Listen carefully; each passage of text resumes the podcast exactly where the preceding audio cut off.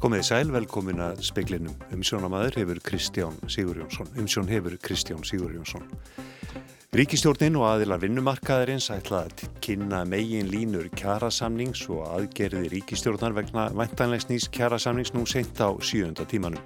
Fundahöld hafa stæðið í virkjá ríkisáttasemjera í allan dag. Búistir við að skrifa verði undir kjærasamning í kvöld eða á morgun.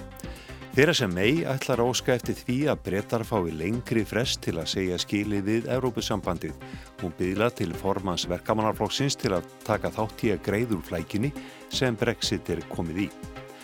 Landbúnaðar á þeirra segir að frumvarp sem heimalar innflutning á hrái kjöti, tryggi vernd búfjárstofna og bæti samkeppninstöðu innlendrar matvælaframleyslu. Greina þarf þörf fyrir vinnuafl og mentun til framtíðar hér á landi því mísræmi hefur verið á milli mentunar og frambóðs starfa, segir sviðstjóri hjá vinnumálastofnun. Búast megi við auknu aðtunleysi vegna falls vá er en að ekki verði allserjar samdráttur. Bóðað hefur verið bladamannafundur í ráþæra bústaðanum upp úr klukkan hálf sjö með verkalýsreifingunni, samtökum aðtunulífsins og ríkistjórninni. Þar stendur til að kynna megin aðtriði nýskjara samnings og aðgerðir ríkistjórnarinnar í tengslu við hann.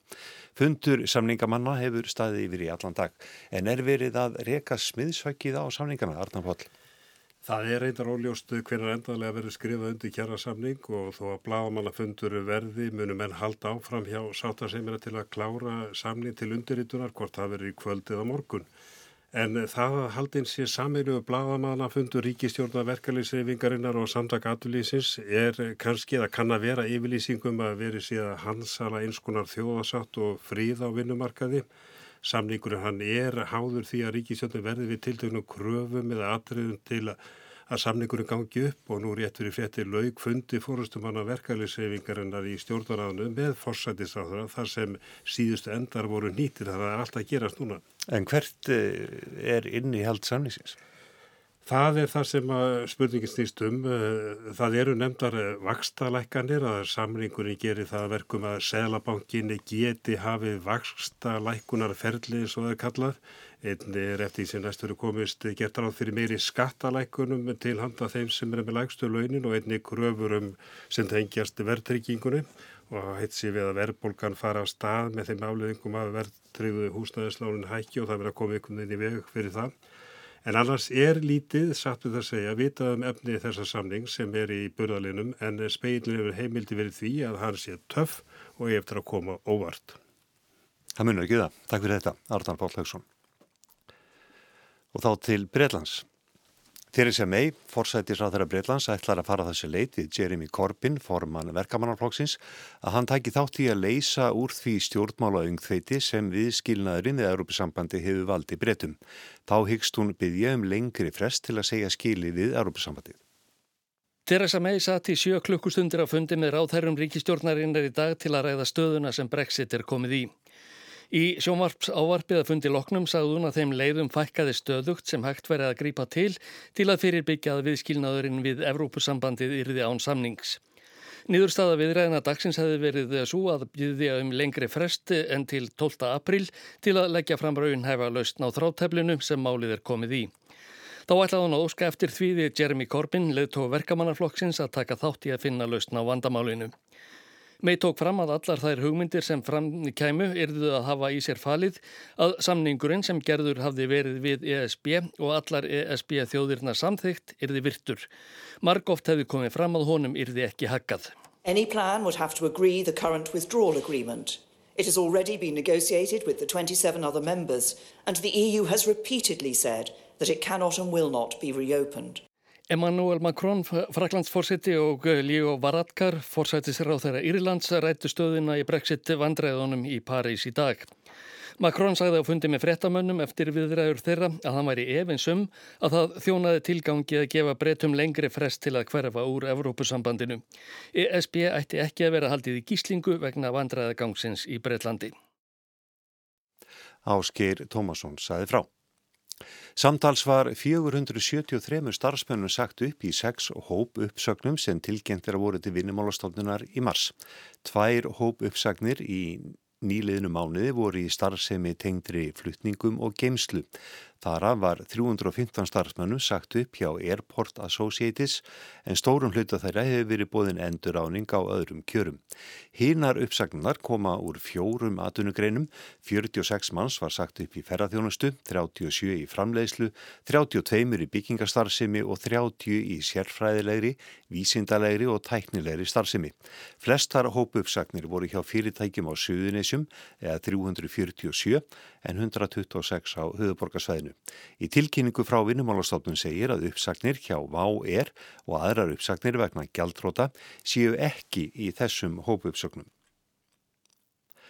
Landbúnaðar á þeirra segir að frumvarp sem heimilar innflutning á hrái kjöti tryggi vernd búfjárstofna og bæti samkeppnistöðu innlendrar matvælaframleyslu. Formaðið miðflokksins segir ríkistjóðnina hafa gefist upp Hún standi ekki í lappirna til að verja grundvallar hagsmunni Íslands, hvort sem er í matvæla eða orkumálum. Landbúnaðar á þeirra mælti fyrir frumvarpu sínu síðdeis í dag um innflutning á rái kjöti og eggjum og segir að mótvæðisaðgerði muni tryggja matvælu öryggi og verðin búfjárstofna. Markmið breytingarna er hins vegar að íslensk stjórnvöld standi við þar alþjóðlegu skuldbendingar sem Ísland hafi undirgengist og verði að standa við.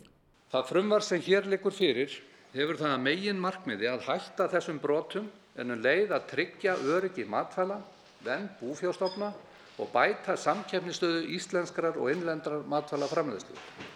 Jafnframt ætlum við að auka vörúlfar íslenskra neytenda og treysta þeim til að taka upplýsta ákvörðun um sín innkaup saði Kristján Þór Júliusson þegar hann mælti fyrir málinu. Þetta mál er afar umdelt þert á flokka og þó nokkri vilja fresta gildistökunni.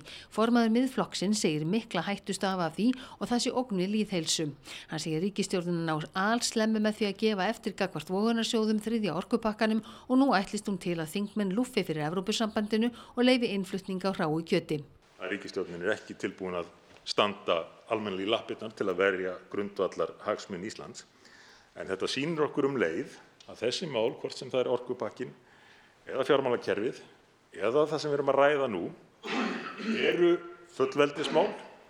Þau snúast um að við höfum vald yfir okkar eigin örlögum og þegar fullveldismál er að ræða þá verða menn að standa í lappirnar. Saði Sigmundur Daví Gunnlaugsson, Jóhanna Víti Sjáltadóttir tók pistilinn saman. Kaupþing hefur ákveð að bjóða til sölu 10% hluti í Arjónbanka. Greinti frá þessu á við fréttablasins en fréttastofa hefur jáfnframt fengið þetta staðfest frá Kaupþingi. Miðað við markasvirði hlutabriðabankans í dag nefnur verðmæti hlutarins sem tilstendur að selja um 15 miljörðum króna. Ekki fengust frekari upplýsingar frá Kaupþingi en vonir á tilkynningu til kaupallarinnar innan skams. Arjón var skráður á hlutabriðamarkaði Nastak á Íslandi og í Svíþjóð í júni í fyrra. Kaupþing á tæplega 33% hlut í bankanum í gegnum dótturfélagsitt Kaupskil. Heiðabjörg Pálmadóttir hefur verið skipuð í embætti forstjóra barnavendastofu. Hún hefur starfað sem settur forstjóri í rúmt ár og var yfir lögfræðingur stofnunarinnar frá árunni 2009. Seks sóttum embætti þegar það var auglist. Hrafnhildur Markúsdóttir, 11 óra nefandi í Kvassaleiti skóla í Reykjavík hefur lesið 83 bækur það sem afir ári. Kennarinn hennar segir lesturinn hjálpa henni í öðrum greinum í skólanum. Hrafnhildur heldur skipulagt bókaldi við bækur sem hún les. Ég elskar að lesa. Dagur barnabókarinnar er í dag á fæðingadegi ævintýra skálsens Hási Andersen. Hrafnhildur hefur dálæti á sögunni um litlu stúlkuna með eldspíturnar. Hún er búin að lesa allar sögurnar um Harry Potter, bækurnar eftir Gunnar Helgason og Ævar Þór Benediktsson, svo fátt eitt sé nefnt. En bókalegstur er ekki eina áhugamál hrafnildar. Um, ég er æfið handballta með fram og ég hefði jazzballett í USB. Og hvernig hefur þú tíma þá fyrir allan, allan lesturinn? Ég les alltaf kvöldin þegar ég er að fara að sofa og ég gera bara, ég veit ekki, ég bara bý mig til tíma. Marta Marja Arnarsdóttir, kennari hrafnildar, telur að það sé skortur á námsefni í íslensku fyrir börn, sérstaklega í rafrænum útgáfum. Maður þarf auðvitað sem kennar að vera mjög hugmyndafrjór. Já, maður þarf, man, man þarf að detta ímslegt í hug til þess að gera íslensku kennslu áhugaverða. Þannig ég held að það sé svolítið kennarans að gera þetta skemmtilegt. Saði Marta Marja Arnarsdóttir. Birgir Þór Harðarsson tók saman og rætti einni við Hrafnildi Markusdóttur.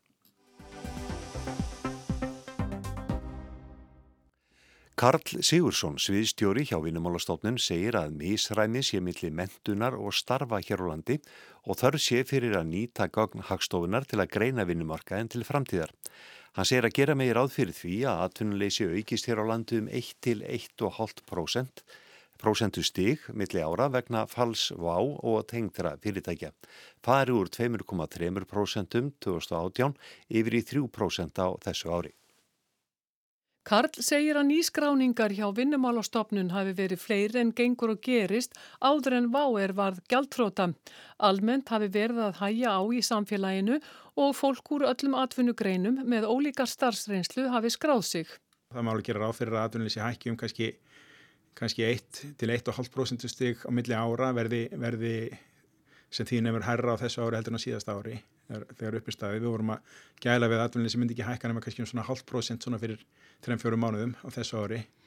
En það má þá gera ráð fyrir að það veri tölvert meira í ljósi þess að flugfyrir hætti alveg störfum í staðin fyrir að við gefum auðvitað ráð fyrir að það myndi, myndi draga eða minka umsifin tölvert en, Þannig að það er svona 1,5 Já, það má alveg gera ráð fyrir því held ég að atvinnuleysi sem var, var 2,3% á árunni 2018 það verið þá, verið þá 3,1% á, á þessu ári þegar uppi staðið?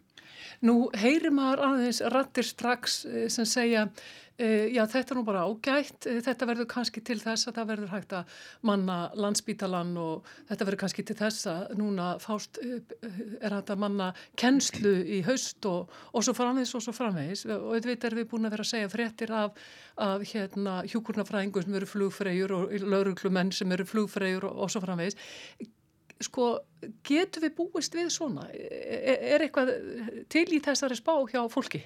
Það er eða eitthvað um það að, að fólk með alls konar mentun hafi verið að starfa innan fluggerins sem flugfreyðir eða flugþjónar þá.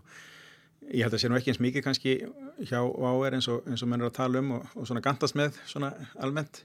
En að einhverjum eh, markið maður þetta gerir áfyrir, ég menna það er það bara ágætt í sjálfu sér að, að það séu störf til, sem standa því fólki til bóða sem hafa þá mentun. Störfum hafi fjölgað á hverju ári frá 2012 samtals líklega í kringum 25 til 30.000 störf.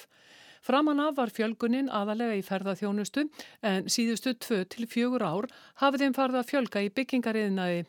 Á árunum 2017 og 2018 fjölgaði störfum í fleiri atvinnugreinum sem bendir til þess að eftirspurn í flestum atvinnugreinum hafi verið að aukast og þenslana ná út til samfélagsins alls meðal annars kannski vegna þess að hefur ofnbæra hefur verið að leggja meiri, meiri fjármunni í uppbyggingu í helbriðis og félagstjónustu í ofnbæra og, og sveitafélagin og eru fann að hafa, hafa meira sveigrum til þess að, til þess að ebla, ebla hjá sér þjónustuna.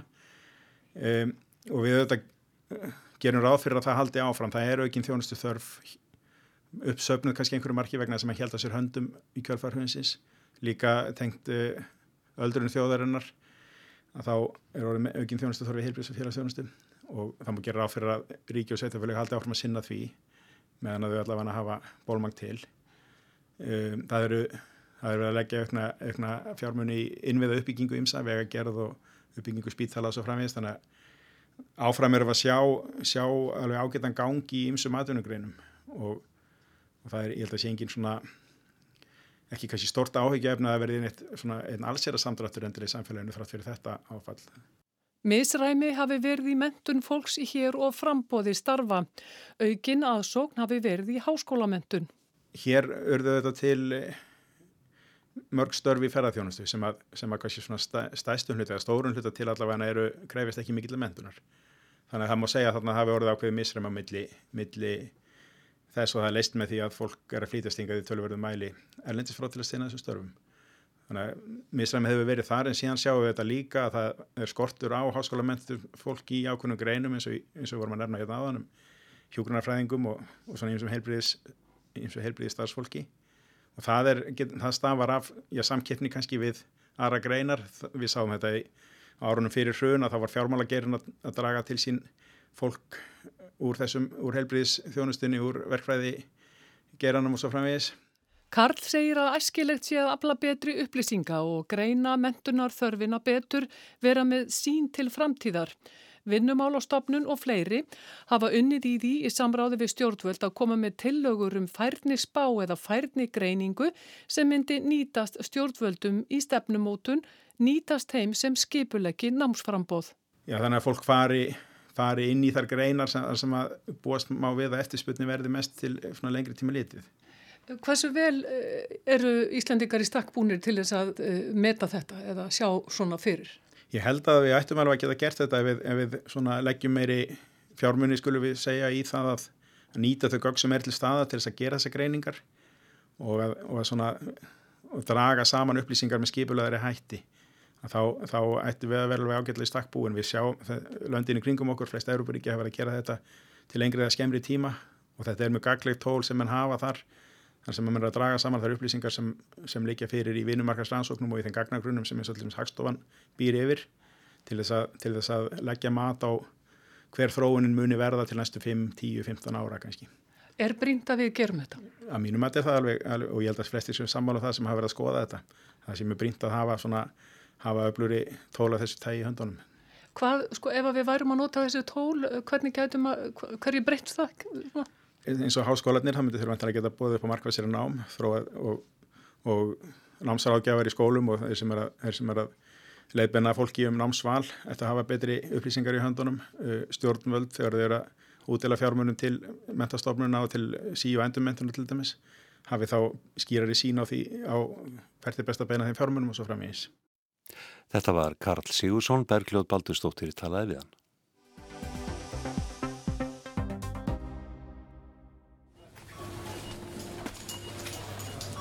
Hvort á maður að velja plast eða pappírspoka undir vörurnar þegar farið er út í búð að kaupi matinn? Hvort er betra fyrir umhverfið? Eða er best að fara með margnóta pokan? Það er ekki til neyn einföld svör við þessum spurningum. Plastpokar og pappírspokar hafa slæm áhrif á umhverfið en þó á mismunandi hátt og álitamál hvorir síðu skári. Dagblæði New York Times fjallaði nýlegum plast og pappir í tilitin þess að New York ríki hefur bannað veslunareigundum að bjóða upp á einnota plastboka. New York er þriðja ríkið í bandaríkjónum sem bannar einnota plastboka. Hinn eru Kalifornia og Hawaii. Einstaka borgir og eða sveitafélu í bandaríkjónum hafa einning vald til að setja á slíkt bann og er það víða gert. Í það minsta 32 lönd hafa bannað einnota plastboka. Þar af erum helmingur þeirra í Afríku. Í Evrópu eru einnóta plastbókar bannaðir í fjórum löndum, Fraklandi, Ítalju, Norður-Makedóniu og Moldófu. En er plastið svona miklu verra en papirinn? Papírsbókar eru hvergi bannaðir en þeir eru síður en svo galla lausir. Í grein New York Times kemur fram að það tekur plastbóka hundruð ára að eigðast í náttúrunni. Plastbókin er þó langt í frá að vera stæsti plastúrgangurinn í bandaríkjónum. Hann er 12% af heildarmagninu. Vandin við plastbókan er sá að mannkinni situr uppi með hann sem rusl. Það er erfitt að enduvinnan. Enduminslustöðar ráða illa við hann. Þannig að hann endar sem landfylling. Greinar höfundur segir að til að gæta allrar sangirni þá sé ekki mikill skadi að plastbóka í landfyllingu jafnvel þó það taki hann þúsund ára að eðast. Hins vegar versnarmáli þegar fólk lætur undir höfuleggjast að ganga almennilega frá pókana sínum og hann fíkur út í veður og vind, stíplar árfarvegi, þekur heilu fjörurnar og ógnar fugglum og öðru viltu lífi. Skemst er að minnast búrkvalsins sem rák á land í Indonésiu. 24 plastbókar fundust í maga hans. Plastbókar eru vegna þessa trassaskapar einhver skýrasta mynd mengunar í heiminum. Er þá ekki pappíspókin bara málið? Það tekur hann mun skemmri tíma að eðast í náttúrunni og hann er auðveldur í endurvinnslu. En málið er ekki svo einfalt. Það úteimtir miklu meiri orku að framleiða eitt pappíspóka en eitt plastbóka og þá komum við að kóletnispórunu og lofslags áhrifunum. Rannsókn Bresku umhverfistofnunarinnar frá 2011 leiti í ljós þegar tekið hafi verið tillit til alls ferils og líftíma plast og pappíspókans frá framleyslu til endunvinnslu eða urðunar að þá væri pappispókin verri kostur en plastpókin frá sjónarhóli nattrætnar hlínunar. Þá er það þriðji kosturinn, marknótapókin. Hann er vissulega álitlugu kostur en þá og því aðeins að hann sé raun og veru notaður oft og mikið. Marknótapókin er miklu orkufrekari í framleyslu. Bómullarpókin krefst svo mikillar orku í framleyslu að hann þarf að nota yfir 130 sinnum til þess að slá út einnota plastbókanum. Þingri og veglegri marknóta plastbóka þarf að nota fjórun til 11 sinum oftar til þess að skáka plastbóka sem aðeins er notaður einu sinni í kólefninsborinu. Brad Plumer, greinarhöfundur í New York Times, bendir hins vegar í allri vinnsemd á, eins og raunar umhverfi sérfræðingar hér á landi hafa gert, að það skipti meginmáli hvað þú setur ofan í pókan ef þú ert umhverfis þengjandi. Pókin sjálfur er ekki aðal málið heldur hvað þú kaupir í búðinni.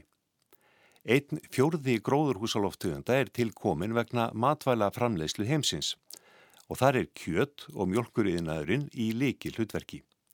Umbúðaðinaðurinn er ábyrgur fyrir aðeins 5% af gróðurhúsa áhrifunum. 500 gramma nautafíleibitin hefur 25 sinu meiri áhrif á nattræna hlínun en plastbókin sem þú notar til að bera hann heim. Þannig að kannski er best að byrja á mataræðinu ef hugur er á að minka kóletninsbórið svona persónulega og prívat.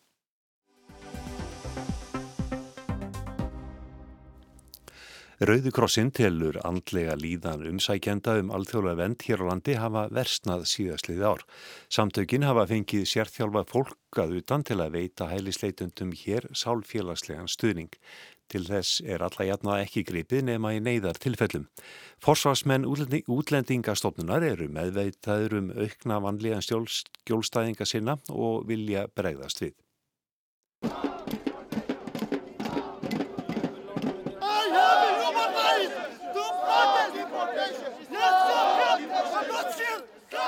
Síðustu vikur hafa umsækjendur um alþjóðlega vernd reysið upp og mótmælt á austurvelli, krafist þess að brottvísanir verði stöðvaðar tímabundið meðan kerfið verði endurskoðað og að stjórnmjöld taki mál þeirra til efnislegar meðferðar en afgreði þau ekki sem verndarmál eða diplinarmál. Þeir vilja greiðar í aðgangað heilbriðistjónustu og tæki færi til að vinna á meðan þeir býð eftir niðurstöðu í sínu máli. Rauði krossin sinnir réttindagæslu hælisleitenda og veitir þeim stuðning. Ásildur Linnett, verkefnistjóri, segir að hingað komi fólk með fleiri áföll á bakinu en áður, sumt búið að vera á hrakhólum árum saman. Kerfið hafi ekki náðað bregðast við þörfum þess. Og það er þannig sérstaklega í ákveðnum búsitu úrræðum að menn hafa ekkert við að vera og þegar menn eru með, með þessa sögu þá bara verður það til þess að randlegu ástandi hrakar og þá er eðlilegt að mann reyni að ná eirum stjórnvalda. Sjáuð meiri vannlíðan hjá þessum hópi en áður? Já, við gerum það. Við eh, hefum mælt eh, sérstaklega ástæður þegar þess að fólk leitar til okkar og við sjáum bara skil, eh, skil koma um mitt árið 2018 og þetta hefur bara farið eh, vestnandi frá því. Og að því tilumna hefur við eh, leitað til systursfélags okkar í, í Palestínu, palestinska rauða hálmána sem að aðstofa okkur. Eh, þeir eru mjög framalega í salfélagslegum stuðningi og hafa, hefur sérfræðingur frá þeim núna komið og gert hér stöðumat og mun, mun leggja til hvað við getum gert. Og að auki eru, hefur virkað sendifulltrúa kerfi í Rauðakrossins þar sem að semst, fólk sem er með sérstakka þjálfun í sálfélagslegum stöðningi mun uh, reyna að styðja við uh, þennan hóp uh, og þetta eru aðgerir sem við venjulega grípum til í semst, mjög alvarlega flóttamanna ástandi eða, eða eftir náttúruhamfari eða slikt. Í speiklinum var nýlega sagt frá því hvernig samsetning þess hóp sem sækir um alþjóðlega vernd á Íslandi hefur breyst. Áfram eru karlmenn í meiri hluta en bakgrunnur þeirra er annar en áður. Færri koma frá ríkjum sem útlendingastofnun telur örug, svo sem ríkjum Balkanskagans og fleiri frá löndum á borðið Sómalíu, Afganistan og Írak. Þá hefur færst í aukana að hingað komið fólk sem þegar hefur sótt um eða fengið vernd í öðru Evrópuríki og á litla möguleika á að fá hér vernd. Hælisleitendur hafa meðal annars gaggrind aðstæður í búsætti úræði útlendingastofnunar á Ásbrú og krafist þess að því verði lokað. Ásbrú sé eins og fangelsi, vakt allan sólarhingin, engar heimsóknir lefðar og á hverju kvöldi komi lauruglan til að vísa fólki úr landi. Ásildur segir kvartanirnar ekki lúta beintað staðsetningunni, heldur frekar að takmörkuðu möguleikum hælisleitanda á Ásbrú til að taka þátt í samfélaginu. Rauði krossin hafi ítrekað bent stjórnvöldum á að það sé ekki æskilegt að hafa einsleitan hóp karlmanna sem á litla möguleika á því að fá hér vernd allan á einum stað. Áseldur segir aðstæðurnar íta undir vannlíðan og bendir á nýleg dæmi þess að hælisleitendur á ásprú hafi reyndað að svifta sig lífi. Eh, við sjáum alltaf stóran mun á líðan fólks eh, eftir því hjá hverjum það fær þjónustu og sem dæmum að nefna þeir sem er í þjónustu til dæmis félagsþjónustunar í Reykjavík og félagsþjónustunar í Reykjanesbæ að þeim líður almennt mun uh, betur ekki vegna þess að þeir hafi minni áfæll heldur einfallega því þeir fá betri þjónustu. Það er bara huga betur af sértakum þörfum hvers og eins þar. Og vandamáli er kannski að útlendingastofnun uh, er með of marga hjá sér of lengi í þjónustu Hún telur að best væri að færa þjónustu við hælisleitendur alfarið yfir til sveitarfélagana. Útlendingastofnun sé ekki félagsþjónustustofnun.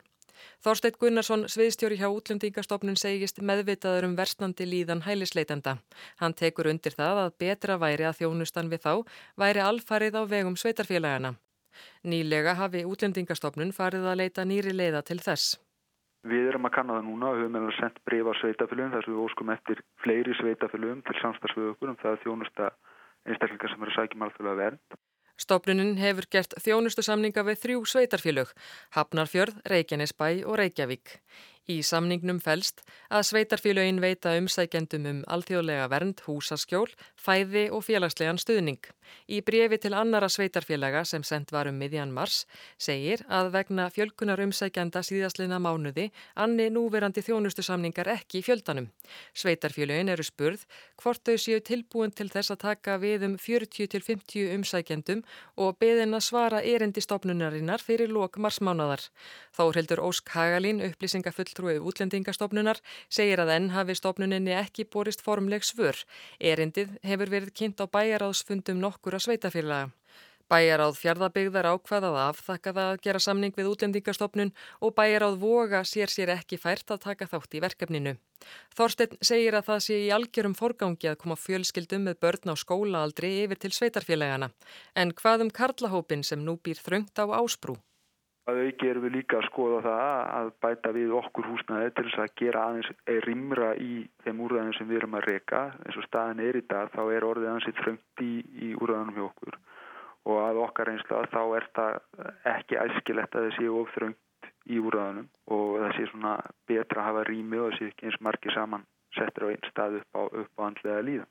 Hann segir þó líka mikilvægt að stitta málsmeðferðartíman.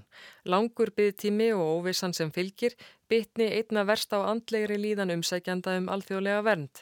Málsmeðferðartímin hefur stist á síðustu fimm árum en lengtist aðeins aftur í fyrra og algengt er að sögn fulltrúa Rauðakrossins að fólk býði í þrjá til sjö mánuði eftir niðurstuðu. Ásrún Brynja Yngvarsdóttir saði frá, Arnildur Haldanadóttir rætti við Ásildi Linnett og Þorstein Gunnarsson. En það mælist áfram jarðskjálta hrina í Öksafyrði um 6 km suðvestur á Kópaskeri að því fram kemur á við viðstofunar. Hrinan hófst 23. mars og er ekki lokið. Það dróðu virknin um helgina en hún hófst aftur klukkan hálf 6 í morgun og síðan þá hafa mæl 60 skjáltar, sá stæsti 2,7 starð, kortir fyrir sjö. Áfram er fylsnáið með þróun virkninar. En Arnar Páll er komin hingað aftur. Arnar, hvað er nýjasta nýtt af kjærasamningum? Já, það er nýtt núna að nú er staðfest að bladamannafundur verður í ráþarabústanum klukkan hálf sjö, bara eftir tvær mínútur eða eina hálfa mínútu, þar sem fórustumenn verkalýssefingarinnar samtaka atinlýsins og ríkistjóna munu kynna megi línunýrs kjærasamning eða efni vantarlegs kjærasamning og það er aðgerið sem að ríkistjónin er tilbúin að grípa til til að liðka fyrir sátt á vinnumarkaði eða þessum kjærasamningi og það er rétt að taka fram að uh, þeir sem eru mjög spenntir geta hort á þetta á vefnum okkar rú.is eða þessum fundu sem er rétt í þessu að hefjast. En uh, menn er að funda ennþá í, hjá sáttasemjara, hafa gert það alveg frá nýju morgun, fengu lítinn svefn, lukuðus í nótt, sent í nótt eða kannski í dvola sent en fengu kannski dvola langar svefn og þeir að vera að býða eftir þessum tilum eða afgerur ríkistjórnarinnar og, og bara núna rétt fyrir já, sex þá var ég samandu veitn og þá var verið að nýta síðustu lausu endana á fundi verkefliðseyfingarinnar með fórsættisráður í stjórnaráðinu. Þannig að það verður kannski skrifað undir í kvöldi eða... Já, það er einnig ekki alveg viskum en uh, þetta kemur undir allt, allt í ljós en ég held að sé þannig að það verður kannski skrifað endala undir fyrir í kvöldi eða jæfnum á morgun. Arna Pál, takk fyrir þetta. Fleiri ekki í speiklinum. Mark Eldred sendi út. Verðið sæl.